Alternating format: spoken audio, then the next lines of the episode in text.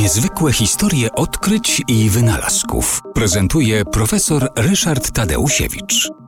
Jedną z największych przygód y, ludzkości XX wieku y, były podróże kosmiczne. Było to, że człowiek po raz pierwszy oderwał się od macierzystej planety, sięgnął w kosmos, no i y, jak wiemy, dosięgnął nawet Księżyca, ale to, że tak powiem, na końcu tej drogi.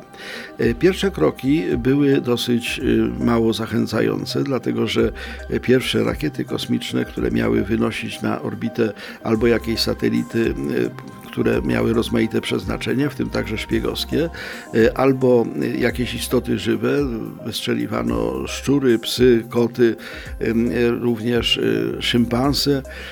Te, te rakiety niestety dość często psuły się. To, to psuły w bardzo efektowny sposób, to znaczy na wyrzutni był gejzer ognia, oczywiście ładunek ginął, no jeśli tym ładunkiem było zwierzę, to było to bardzo smutne, no a już zupełnie dramatyczne miałoby znaczenie, gdyby to był człowiek.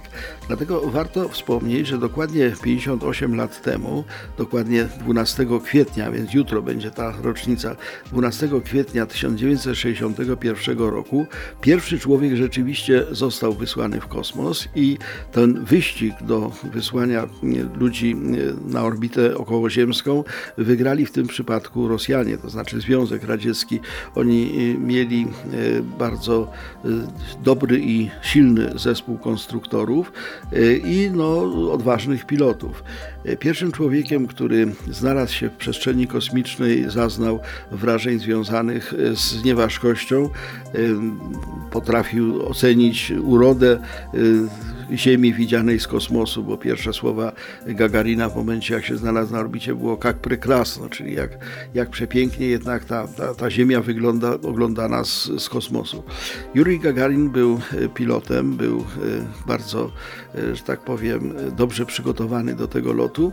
Jakkolwiek został wybrany z całej grupy sześciu pilotów przygotowywanych do tego lotu w tak zwanym Gwiezdnym Miasteczku, czyli takim specjalnym obozie pod Moskwą, E, głównie ze względów propagandowych. To znaczy on tam był e, synem, był, był kiedyś robotnikiem, potem był synem też robotnika, no więc wobec tego miał właściwe pochodzenie społeczne, w związku z tym go wybrano. Ale był to człowiek niewątpliwie niezwykle odważny, e, człowiek, który widział wiele tych wybuchów, tych rakiet, które nie wystartowały i siedząc na czubku tej, tej rakiety, która mogła stać się jego no, stosem pogrzebowym, w momencie, kiedy, kiedy ruszyła i zaczęła się wznosić, powiedział: No, pojechali. W ten sposób zaczęła się era kosmiczna. Pierwszy człowiek obleciał Ziemię dookoła, e, wykonał pełny lot orbitalny i e, pobił bardzo wiele rekordów. Tak wysoko jak Gagarin nie poleciał jeszcze żaden człowiek. Tak dalekiej drogi też nikt przed nim nie przebył. Wszelkie rekordy szybkości zostały pokonane.